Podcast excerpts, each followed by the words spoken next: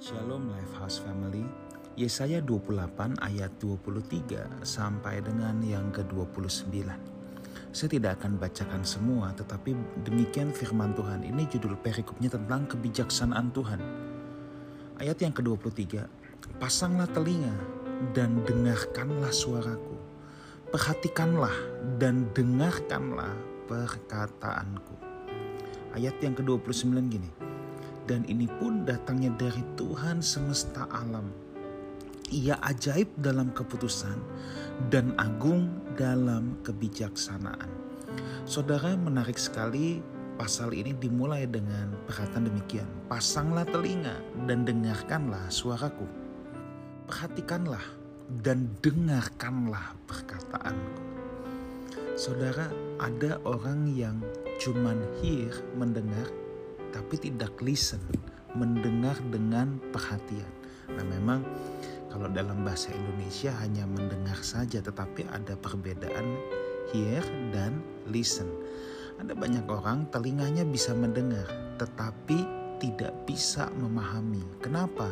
Karena tidak memperhatikan, karena tidak mendengarkan dengan seksama, karena tidak memahaminya, karena tidak penuh dengan perhatian. Demikian juga saudaraku dalam hidup kita ini.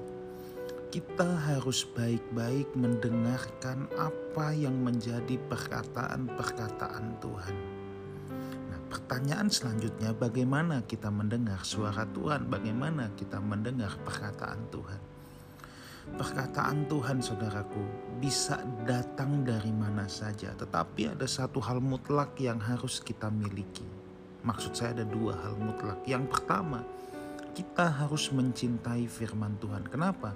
Sebab firman Tuhan adalah satu-satunya surat cinta Tuhan untuk manusia.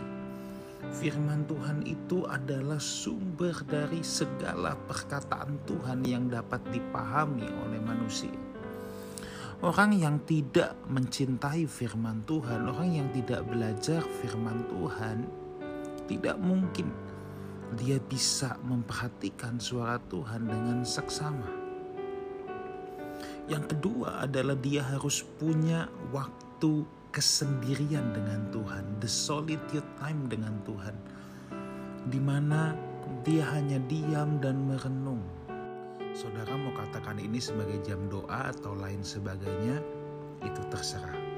Tetapi mau kita bilang jam doa pun, tapi kalau isi doanya cuman kita yang ngomong, tetapi kita tidak mengambil waktu untuk diam dan tenang itu juga percuma saudara ya di saat-saat saya berdoa justru saya lebih banyak diam sebab saya berusaha untuk menangkap apa yang menjadi suara Tuhan, apa yang menjadi perkataan Tuhan, apa yang menjadi nasihat Tuhan.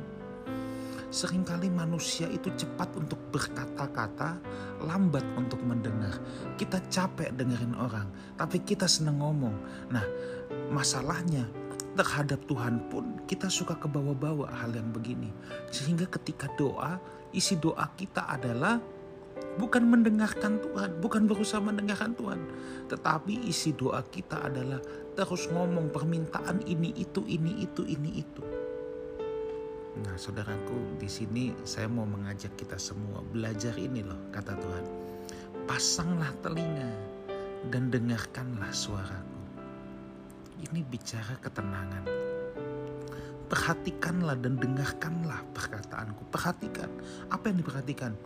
Seluruh aspek hidup kita harus diperhatikan. Sebab Tuhan bisa bicara lewat banyak hal bahkan bisa bicara lewat kejadian-kejadian yang tidak menyenangkan sekalipun. Itu sebabnya kita harus memperhatikan. Nah, dari itu semua kita percaya di ayat yang ke-29.